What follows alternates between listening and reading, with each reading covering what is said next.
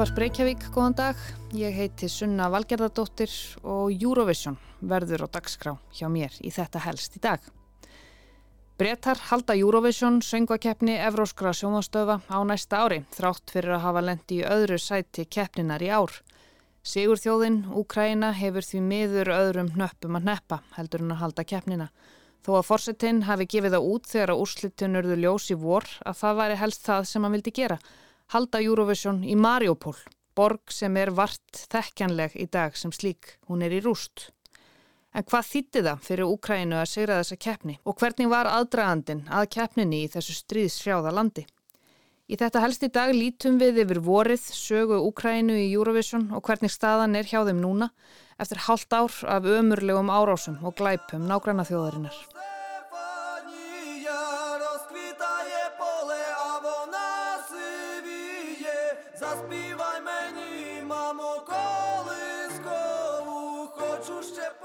Söngvakeppni Evróskra sjónvarstöða fór fram í Torino á Ítalju 14. mæ. Úkraina vann, Breitland lendi í öðru sæti. Eins og flest vita líklega er það Sigur þjóðin sem fær þann heiður að halda keppnina að ári. En eins og líklega enn fleiri vita þá geysar stríð hjá Sigur þjóðinni. Rússar hafa rústað inn við um Úkrænu, myrt þúsundir, sprengt mannverki og sett nánast heimsbyðina alla á hliðina með sínu ömurlega stríði. Volodymyr Selenski, Úkrænuforsiti, lísti því strax yfir. Hann vildi halda Eurovision í hafnarborginni Mariupol að ári. Hann sagði að hugrekki Úkrænufólk svekja aðdáun um heimsins úkrænsk tónlist leggji Evrópu að fótum sér. Úkræna verður gestgefi Eurovision á næsta ári, skrifaði forsetin í færslu og samfélagsmiðlunum Telegram næstum því um leið og úrslitin voru gerð góðkunn. Það ber að taka fram að þá þegar var Mariupol orðin rústir einar eftir linnulösar árásir rúsa. Kalús Orkestra, hljómsveitin sem flutti Sigurlægið, seldi verðlunagreipin á uppbóði og andvirðið fór til úkrænska hersins. Þetta var um miðjan mæ, fyrir rúmum tveimur mánuðum. Selenski verður ekki að ósksinni, ekki það ætli þessi ekki aðri hlutir framar á forgangslista hans hvað varðar óskir. En Guðmundur Björn Þorbjörnsson gerði pistil í vor um þýðingu Sigurs Úkrænu í keppninni og hefð pólitíska landslæganar og við skulum núna hlýða á brott úr þeim pistli. Þann 12. februar síðastliðin fór fram úrslita kvöld Vít Býr söngvakeppninar í Úkrænu. Vít Býr er útfærsla þeirra úkrænumanna á söngvakeppninni svo kulluðu með stóru essi þar sem íslenskt tónlistarfólk keppir um að fá að vera fulltrúi Íslands í söngvakeppni Evróskra sjómarpstöða Eurovision. Úkrænumenn hafa lungum átt góðu gengi að fagna í Eurovision og hafðu fyrir keppnina í ár staðið upp í tvísar sem sigurverar Söngunan Rústlana sigraði árið 2004 með læginu Wild Dances og 12 árum síðar sigraði Jamala með læginu 1944. Því var ljóst að margir hæfileikaríkir tónlistamenn stiga á svið Vítbýr keppninar þann 12. februar. Þar á meðal söngunan Alína Pass sem flutti þar lægið Skuggar okkar glemdu forfæðra.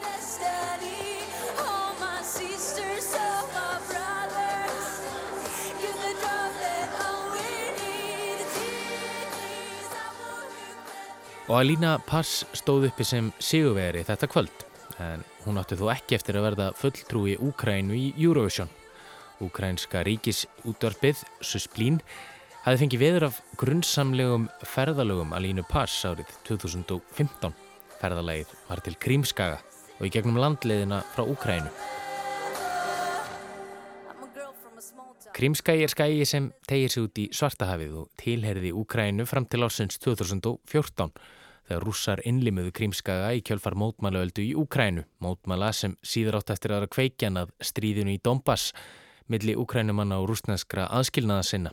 Stríði sem hófst átta árum áður en rússar reyðust inn í Úkrænu fyrir tæpum þremur mánuðum.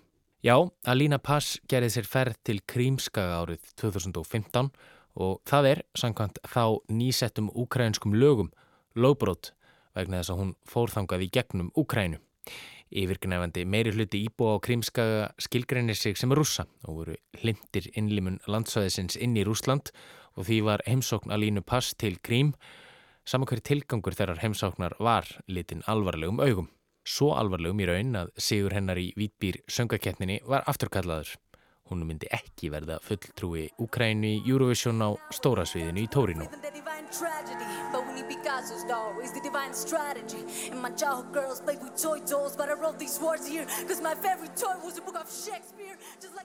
Alina Pass virðist þó ekki hafa ert þessa ákvörðun eins og við komum stað síðar í þessum pisli. En hvað gera bændur þá? Hver skildi verða fulltrúi Úkrænu í Eurovision? Jú, Gott silfur er gulli betra, segir máltækið og þjóðlega skotna rapsveitin Kalush Orkestra sem hafnaði í öðru sæti undan keppninar tók sæti að línu. Þeir höfðu flutt lægið Stefania í undan keppninni og í raun orðið hlutskarpastir í símakostningunni. Alína Pass hafði hins vegar hlotið náð fyrir augum domnefndar. Þann 22. februar var svo tilkynnt að Kalush Orkestra erði fulltrúi Úkrænu í Eurovision.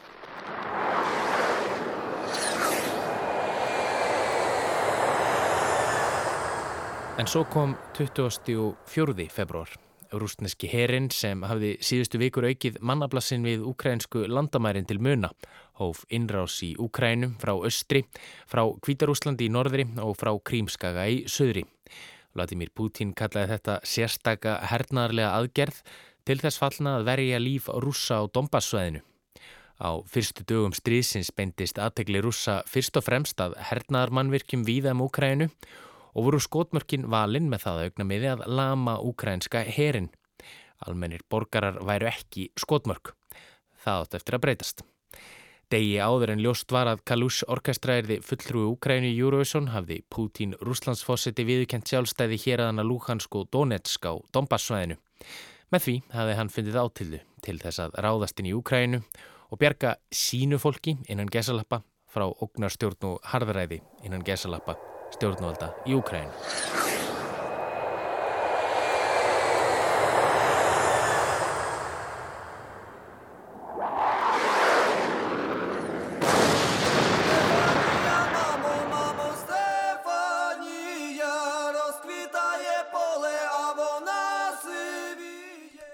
Já, meðlemið Kalush Orkestra gerði sér eflaust ekki hugulund þann 22. februar síðastliðin þegar þeim hafi verið dæmtur sigurinn í Vítbýr söngvaketninni að heimaland þeirra er þið lagt í rúst og 20.000 landa þeirra myrtir í tilhæfulösu stríði.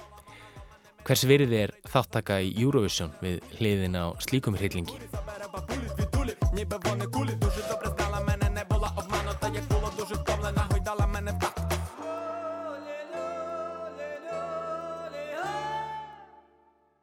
Sjálfur veit ég ekki svarið við því. Enski rítvöndurinn George Orwell velti því fyrir sér í stuttiri rítgerð, vanga veltum um halakörtur, hvort að veri siðlust að njóta vorsins á stríðstímum. Kanski er það siðlust fyrir mig en hvað með úkrænumannin? Skiptir Eurovision máli þegar landið þitt brennur? Já, það töldu allavega meðlimir Kalús Orkestra sem voru mættir til Tórin og í upphafi mæmánaðar og stiga á svið á undanúslita kvöldinu síðastleginn 50 dag.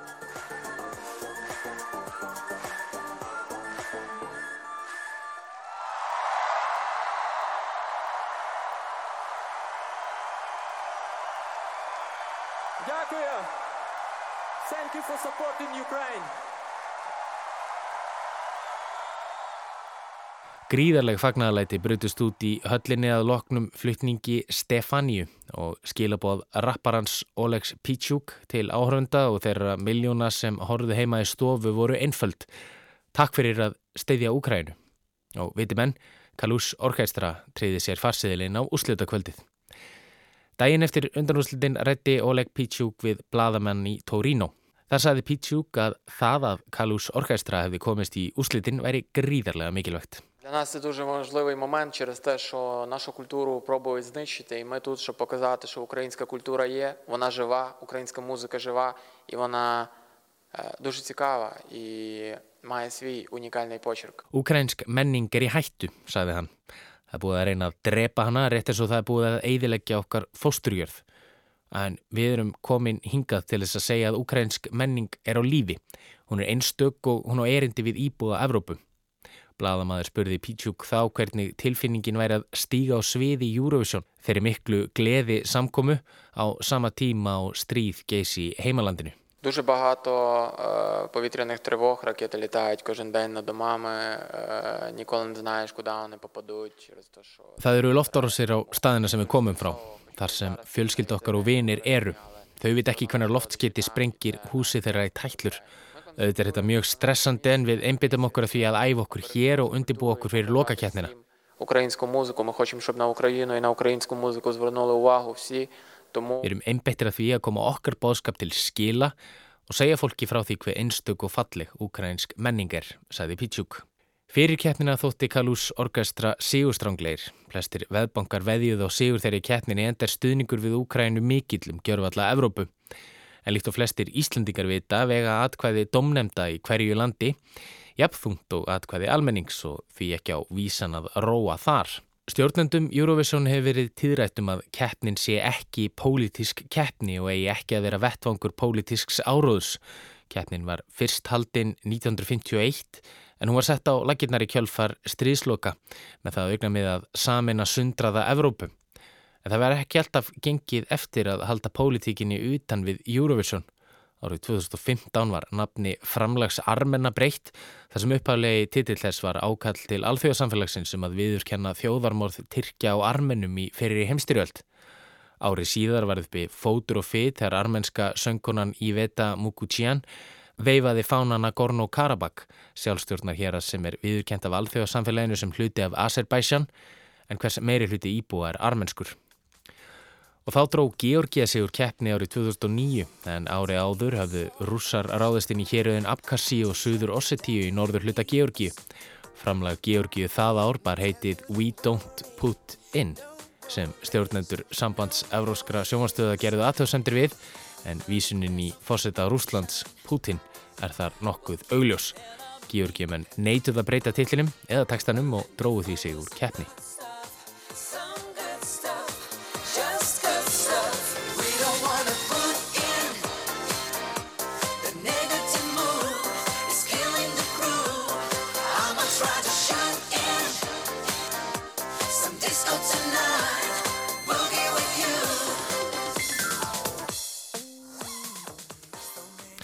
Sind og skömm, enda frábært lag We Don't Wanna Boogie With You, Putin sungu Georgiumenn og svo er það Ísraelsmenn sem tóku fyrst tátt í kettninni árið 1973 og eruðu þar með fyrsta landið frá mið Östurlöndum og það eina sem er í raun utan Evrópu til þess að taka þátt.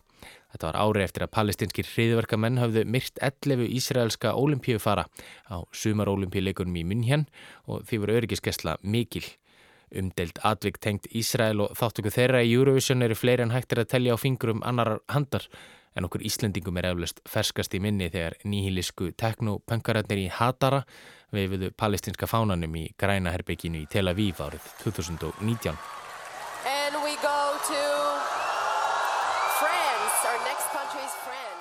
Já, pólitík og Eurovision eiga enga samleið segja stjórnendur keppninar en eins og dæmin sína er hægara sagt en gert að koma í veg fyrir það. Keppendunum í ár var þó ítrekkað sagt að þau mættu ekki rópa úkrænsk slagorð við lok fluttnings á sínum atriðum. Gott og vel, en hvað með Kalús orkestra? Thank you for supporting Ukraine, sögðu þeir á fyrsta undanúslita kvöldinu. Nú var komið að loka kvöldinu og úkrænsku þjóðlaga rapparannir stegu á sviði nr. 12 í röðinni og heima í stofu satt Alina Pass. Þeirri sem var meinað að taka þátt fyrir Úkrænu, muniði, og setti inn færslu á samfélagsmiðlinn Instagram. Við eigum okkar ríku og fallegu menningu, melodíska tungumálið okkar, okkar hugrakka fólk. Engin orð fáði líst hvað mikið hugrakki fólkið í Asóstal í Mariupól síni núna. Og við vonum svo innilega að við getum bjargaðið. Þetta eru sögulegir tímar fyrir Úkrænu. Við erum að berjast fyrir líf okkar, heimili, fyrir frels okkar og fyrir sjálfstæri framtíð. Öll aðtikli og allur stuðningur við Úkrænu skiptur okkur öllu máli. Dýrð sé Úkrænu. Já, Alína Pass satt sannarlega ekki eftir með sárt ennið og hvati fólk til að styðja Kalús orkestra. Og rétt eins og á undanúsleita kvöldinu var þeim fagnar gríðarlega við lók flutningsins og nú voru skilabóðin skýrari. Sagði Guðmundur Björn í mæ. Úkræna rústaði Eurovision. Þeim gekk líka nokkuð vel í fyrra að voru að minnstakosti með mjög eftirminnilegt lag sem sló vel í gegn. Go A átti upphaflega að koma hinga til lands og performera í söngvakeppninni núna í ár en það gerist ekki, það er nefnilega stríð í Úkrænu. Og vegna þess að það er stríð í Úkrænu hafa þau ekki burði til þess að halda keppnina að ári, eðlilega ekki. Brettar sem lendi í öðru sæti fá hins vegar þann heiður en það var tilkynnt í gær. Þetta gerir gamla heimsveldið fyrir hönd Úkrænu og hafa EBU og BBC náð samkómalagi um þetta. Þrátt fyrir að keppnin verði ekki haldin í Úkrænu mun úkrænska framlægið eiga örugt sæti á úrslita kvöldinu eins og hefðir fyrir að sigur þjóð fyrra árs geri.